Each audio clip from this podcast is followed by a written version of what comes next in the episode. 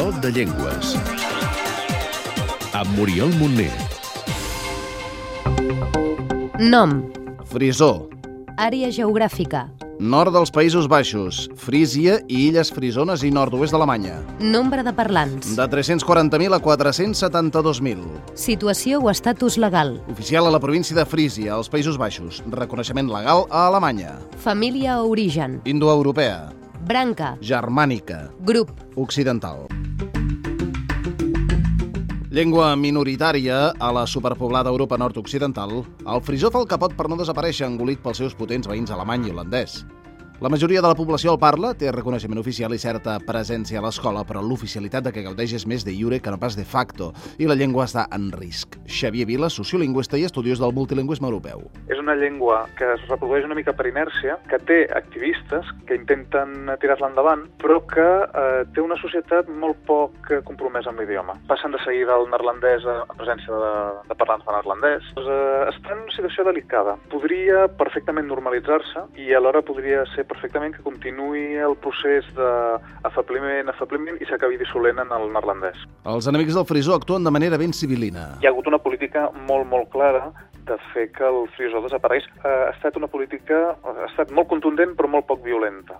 A vegades et diuen els militants del, del frisó quina sort que teniu allà baix que heu tingut guerres i conflictes i això us ha despertat la consciència. El cert és que no hi ha cap gran vincle entre llengua i consciència nacional. La llengua va més vehiculada a altres aspectes més quotidians. És un grup minoritzat en què hi ha molt poc lligam entre llengua i identitat nacional. Tendeixen a reivindicar el, la llengua en, en funció de, de drets individuals. Resulta que a Frísia, si vols fer de metge o si vols fer d'assistent social, se't demana que prenguis frisó perquè entenen que eh, una persona gran o una persona que ha tingut un accident o un nen petit té dret a ser atès en la seva llengua. L'àmbit lingüístic del frisó fa molts anys era unificat i abraçava des de Dinamarca fins a Flandes.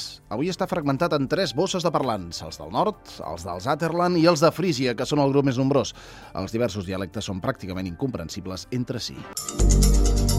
Algunes curiositats. El frisó era originàriament la llengua més propera a l'anglès, però després de segles de pressió s'ha anat acostant a l'holandès. És un idioma que va tenir molta expansió territorial a Europa, però que ha calat poc a les llengües veïnes. Tot i això, algunes paraules, fins i tot en català, en deriven. En català tenim una paraula que ve del frisó. Molta gent recorda la pel·lícula aquella d'Únic Testimoni, del Harrison Ford. Aquests amis, de fet, són el que se'n diuen menonites.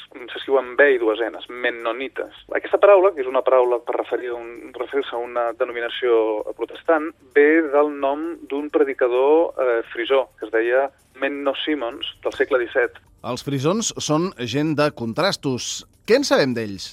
Tots nosaltres coneixem les vaques frisones o també els cavalls frisons. Efectivament, els coneixem, però també hi ha altres emblemes no tan coneguts i que no són precisament vaques.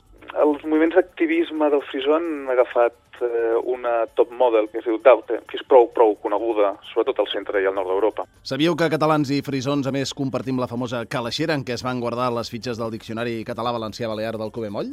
El que passa és que aquí els catalans hem estat més ràpids. Uh, resulta que a Frísia van fer el mateix. Van, tenen una calaixera molt similar físicament, jo l'he vista, a la, a la nostra. Uh, la diferència és que ells, uh, que van començar també a començaments del segle, uh, encara no han acabat el diccionari. Quatre pinzellades de la llengua. Som a les Illes Frisones, enmig de tulipans, i ens trobem alguna d'aquelles noies de les típiques caputxes blanques. Com li diem, hola? Goeie. I bon dia? Goeiemorgen. Doncs ara marxem. Adeu. Ontjen. I per dir bona nit? Goeiejoen.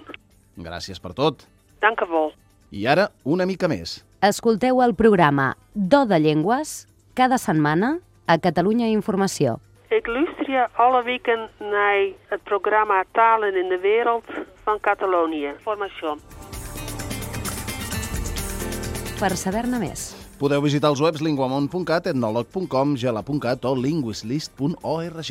Cada cop que desapareix una llengua, perdem una manera d'entendre el món, una manera de viure'l i de descriure'l.